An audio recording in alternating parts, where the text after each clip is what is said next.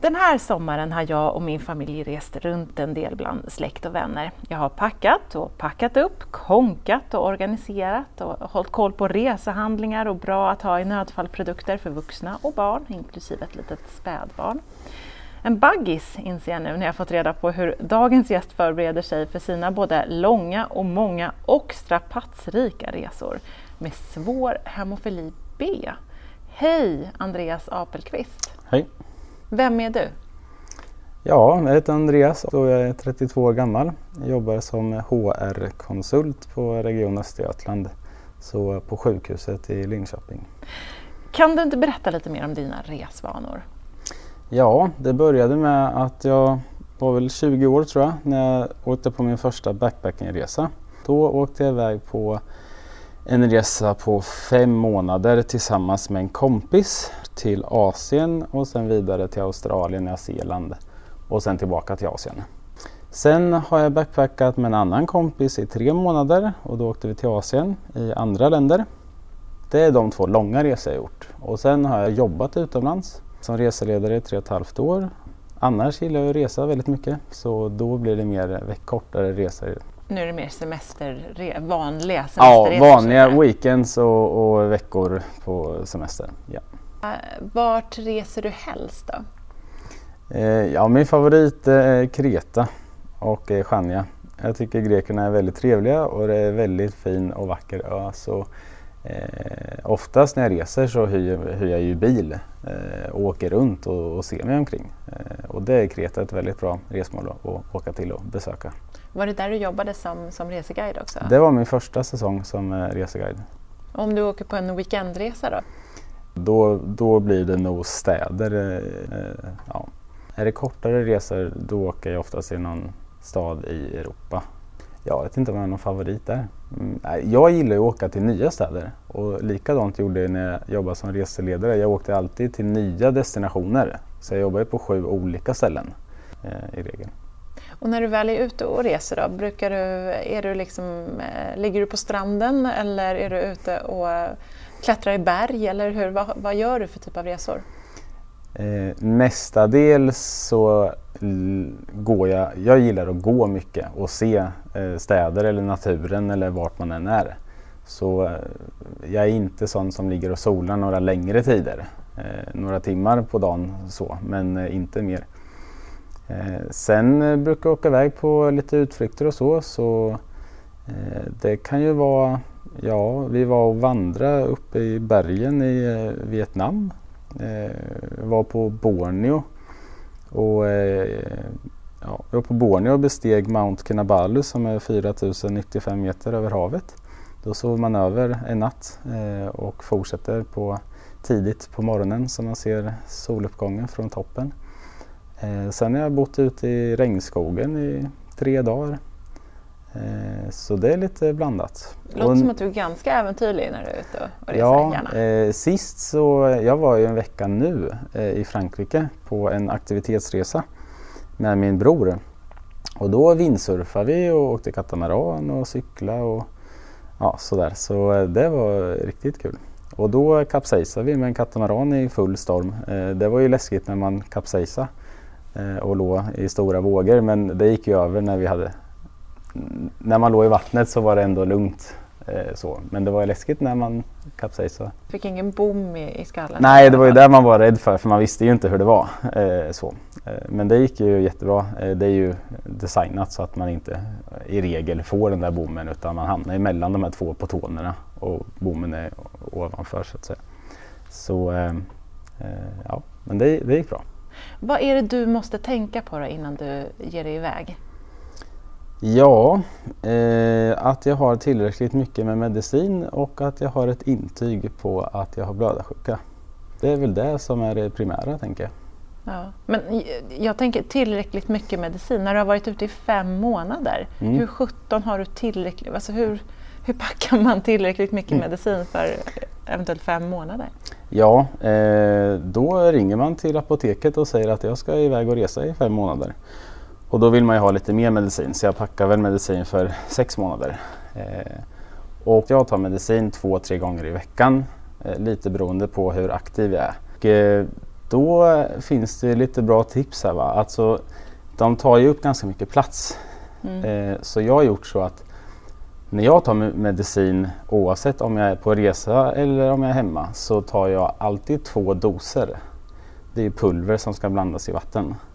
Det betyder alltså att jag behöver bara en spruta till två förpackningar om man ska säga så. Och en vatten.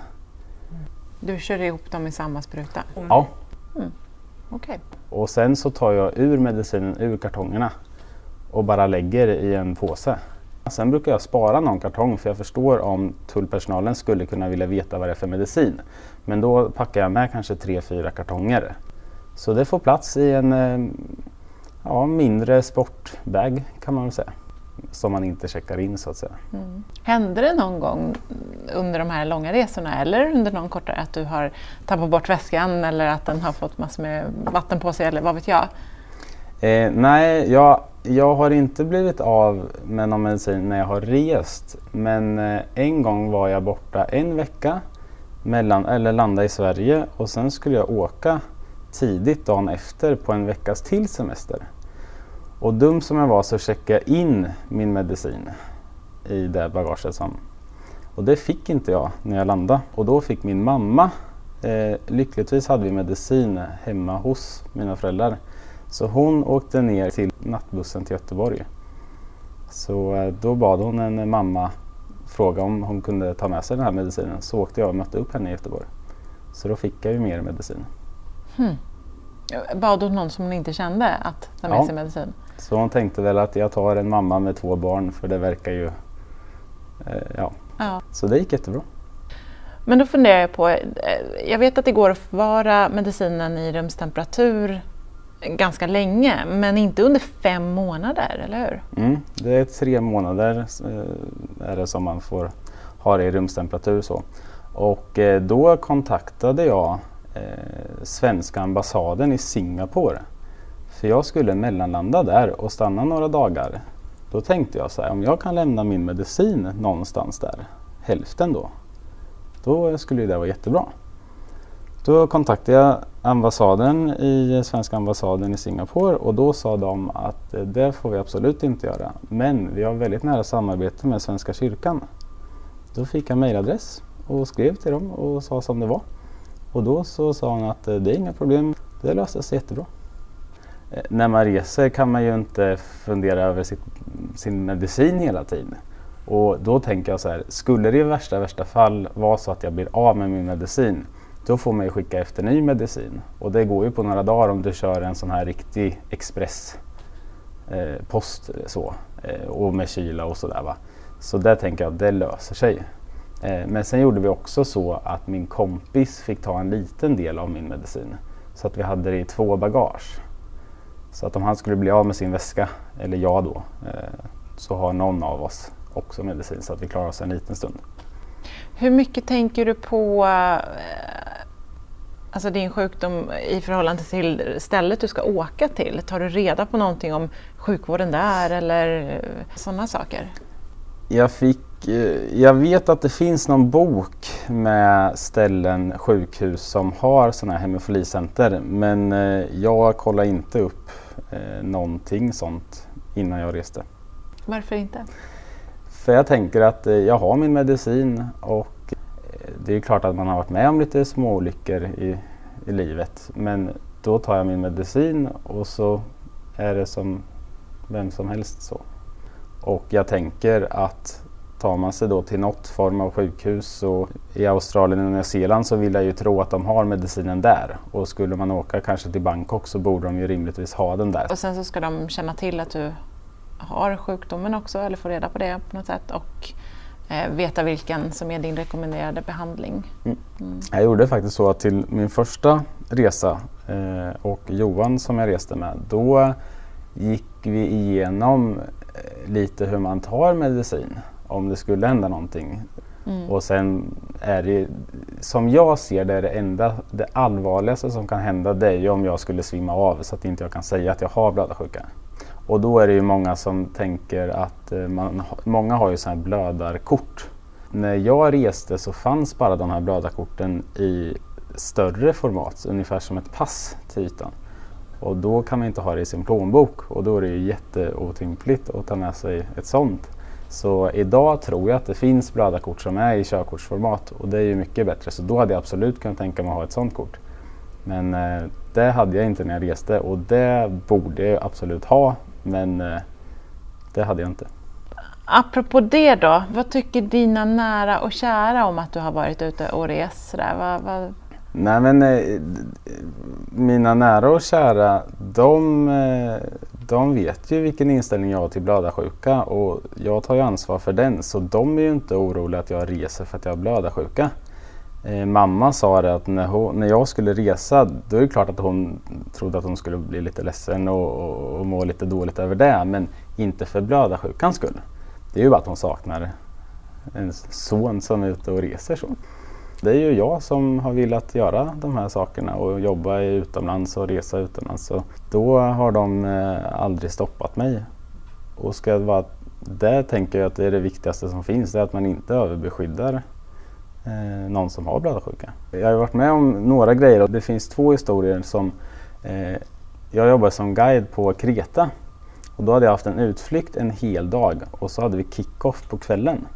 Så då gick jag hem kanske vid ett, två tiden på natten och eh, då så vart jag skallad fast det låter värre än vad det är men av en som ja, rånade mig helt enkelt. Det var ju inte kul då men det blev inga men rent fysiskt och egentligen inte psykiskt i långa loppet heller. Men vad, liksom, hur gick tankarna då när det hände då?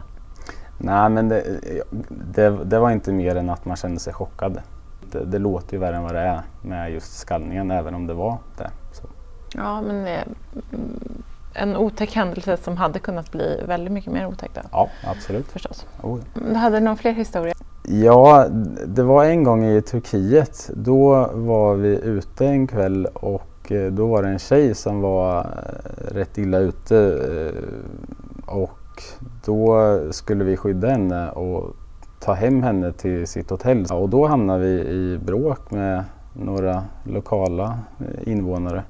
Då fick, vi, då fick jag en spark på foten och där hade vi väldigt tur för då var det en restaurangpartner som skyddade oss när de gav, på, eh, de gav sig på oss och, och puttade bort de här eh, personerna och, och, hjälpte oss då. Eh, så det var ju jättetur för annars vet man inte hur det hade gått. Då hade jag ont i, i två veckor då och det hade ju vem som helst fått och det är ju samma sak där. Jag tar ju min medicin. Så eh, eh, ja, men det, det gick bra. Precis, du hade någon fler historier? Ja, det är en jävligt rolig historia.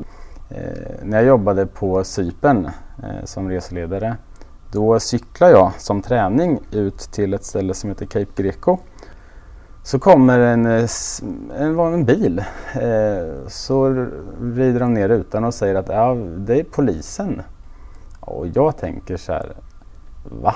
Är det här? Är det olagligt att inte ha hjälm eller vad är frågan? Men då säger de sen att det är drogpolisen. Och då förstår jag ju direkt att okej, okay, då har det någonting med blödarsjukan att göra. Och eh, då så fick jag prata lite med polisen och sen väntade de på en bil så att de kunde ta mig och cykeln tillbaka till min lägenhet. Så var de kanske 10-12 personer som kollade igenom hela lägenheten efter droger. Då. Och då fick jag ju visa min medicin och pass och körkort och intyget och, och sådär. Som gav någon form av hint om att det var någon granne mitt emot som hade tipsat dem. Eh, det var så jag tolkade det. Men det är ju inte så att jag sitter ute på balkongen och tar medicinen. Så att jag vet inte hur det har gått till. Men, eh, gått igenom dina sopor kanske? Ja, men ungefär. Men eh, det var en upplevelse i alla fall. Alltså, finns det någonting som du tror kan ha sporrat dig att visa att du faktiskt kan göra de här sakerna också? Eller? Jag tror inte det. Jag tror att det är att medicinen har varit så oerhört bra. Alltså helt fantastisk. Så att jag har ju spelat fotboll i sju år. Eh, ibland eh, sex, sju dagar i veckan. Så det har inte varit några problem. Det har funkat hur bra som helst. Så jag tror snarare det är att det är min otroligt bra, alltså positiva uppväxt som har gjort att jag inte tänker i några termer om att min blödarsjuka begränsar mig. det, jag har ingenting jag vill bevisa för jag är ju så att säga bortskämd med att vara Alltså jag har ju eh, vad säger man, en förmån att få ha så här bra medicin från att jag föddes. Och då tror jag inte, då har inte det byggt upp någonting att jag behöver bevisa för jag har alltid haft det så pass förmånlig, alltså så pass mycket tur att jag har haft så bra medicin. Men när du är så här äventyrlig, tänker du inte då att du ska ha, kanske ska ta på dig en hjälm kanske fast de andra inte har det eller lite sådär? Eller? Eh, nej, det gör jag ju inte. Eh, det är ju samma sak där. Man borde ju alltid ha hjälm men det, är ju, det borde ju du också ha. Eh, så att eh, eh jag, jag är väl som eh, många andra när det gäller sånt där. Jag tänker, ja, jag kanske borde tycka, tänka mer att jag har blödarsjuka och vara lite mer rädd om mig. Men eftersom jag har medicin som funkar så bra så är det ingenting som begränsar mig. Sen om jag åker skidor, alltså då har jag ju på alla fall äldre dagar alltid hjälm på mig. Vad har du för råd och tips till andra som kanske låter sig begränsas mer än de, än de behöver? Mm. Ja, mitt råd och tips är ju att resa helt enkelt. Eh, man behöver ju inte åka iväg en jättelång resa till att börja med utan man kan ju åka iväg inom Sverige eller åka på en kortare resa. Eh, det är ju inga Testa och se att det problem. funkar? Ja. Och eh, det viktiga är ju att man har med sig medicinen och har man med sig medicinen så är det ju inga problem. Och kanske ett blödarkort då så att man kan ja, berätta för andra om man inte kan göra det själv. Absolut. Tack Andreas för att vi fick komma och prata med dig. Mm, tack själva. I slutet av det här avsnittet kommer en faktaruta med sånt som är bra att tänka på att ha med sig. Men innan dess ska vi fördjupa oss i vilka läkemedel som är direkt olämpliga att ta när man har en blödardiagnos. Jag tänker på sånt som till exempel vanliga värktabletter med verksamma substanser som blödarsjuka ska undvika. Du kanske har koll på de svenska produktnamnen men sämre koll på vad i innehållet i dem som är olämpligt om du till exempel går in på ett apotek utomlands.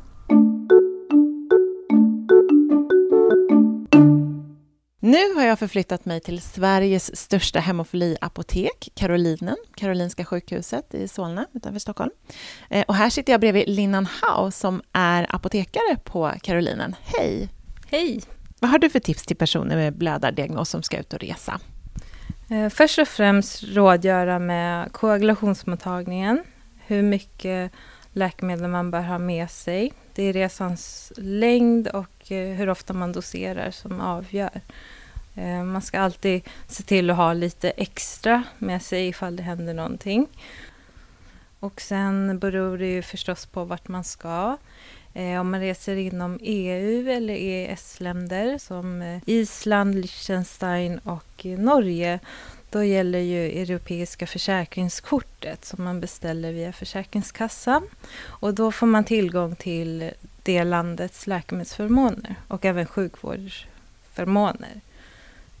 Och sen är det bra också att ta reda på vad, det, vad landet har för regler kring införsel av läkemedel och krav på intyg ifall det händer någonting på resan. Vad kan man ta reda på det? Det kan man ta reda på via landets ambassad i Sverige. Och det är ju bra att göra innan man reser. Vad är dina rekommendationer för hur man ska packa och förvara sina läkemedel? Eh, vi rekommenderar alltid att man tar med sina läkemedel i handbagaget. Och eh, koagulationsfaktorer är ju oftast kylvaror och då bör man ju ha med sig en kylväska. Eh, samma sak för rumstempererade koagulationsfaktorer. Om man reser till ett varmt land, då kan det ju vara lite för varmt att förvara läkemedel i rumstemperatur. Så då bör man ha, eller se till att det inte blir för varmt. Och vi rekommenderar att man låter apoteksetiketten sitta kvar på varje förpackning.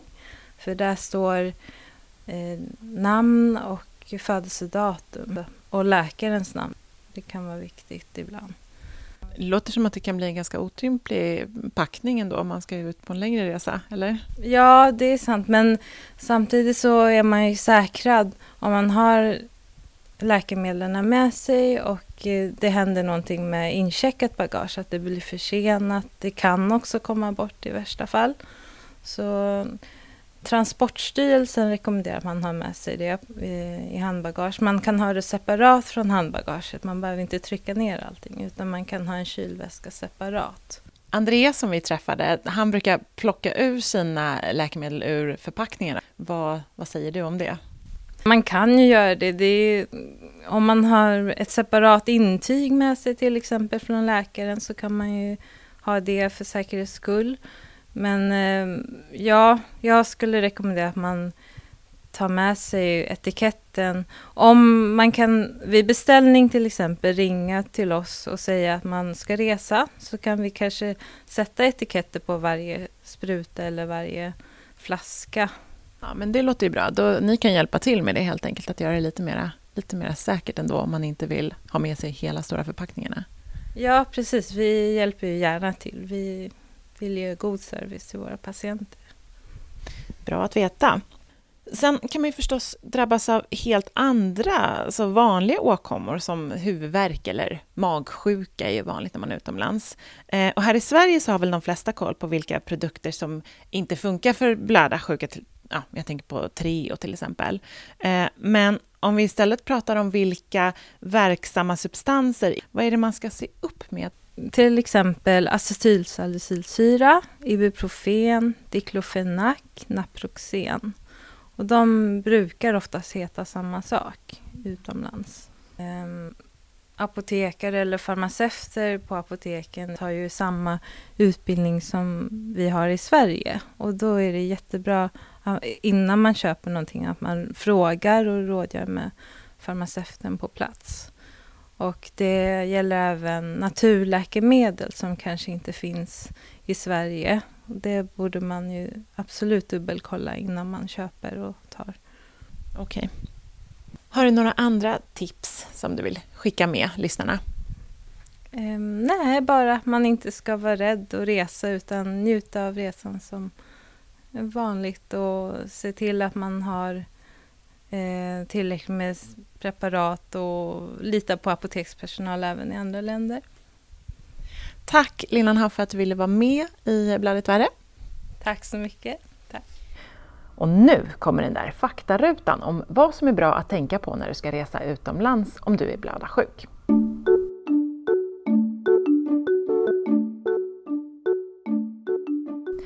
Du behöver två nyligen utfärdade läkarintyg. Ett för sjukvårdspersonal utifall du kommer att behöva behandling och ett för tullen med uppgift om de läkemedel du har med dig. Intygen ska vara daterade tidigast 30 dagar före avresedagen. Du bör också alltid ha med dig ett blödningsriskkort som beskriver sjukdomen och vilken behandling som behövs om du blöder eller skadat dig. Packa läkemedel i handbagaget så det räcker hela resan och för alla eventualiteter. Låt dem ligga kvar i originalförpackningar och ta också med recept och apoteksetiketter. Även om du inte tar läkemedel regelbundet, ha med ett förråd för säkerhets skull. Infusionsutrustning och faktorkoncentrat ska alltid ligga i handbagaget under flygresor Kolla helst med flygbolaget innan också om de har några egna krav eller om de har ett kylskåp som du kan få låna ombord om det behövs för dina läkemedel. På www.vhf.org kan du hitta information från World Federation of Hemophilia om till exempel sånt som i vilka länder det finns hemofilimottagningar och hemofiliorganisationer. Det kan ju vara bra att ha etablerat kontakt med dem om de finns på platser dit du vill resa. Och om du reser med andra, informera gärna dem om din sjukdom och lär om injektionsteknik. Nu tackar jag och producent Estrid Bengtsdotter för oss och vi vill också tacka CSL Bering som genom den här produktionen gör det möjligt för oss att lyfta frågor som är viktiga både för dem som har diagnoserna hemofili eller familjebrands sjukdom och för människor i deras närhet. För dig som vill veta mer, lyssna på tidigare avsnitt av podden. Du hittar också mycket information på Patientföreningens hemsida fbis.se där du också kan beställa informationsmaterial och böcker. Och har du egna erfarenheter som du vill dela med dig av eller önskemål om vad vi ska prata om i kommande avsnitt, hör av dig till redaktionen.sverige.cslbering.com. Alltså redaktionen.sverige cslbering.com och Bering stavas B-E-H-R-I-N-G. Tack för idag, hej!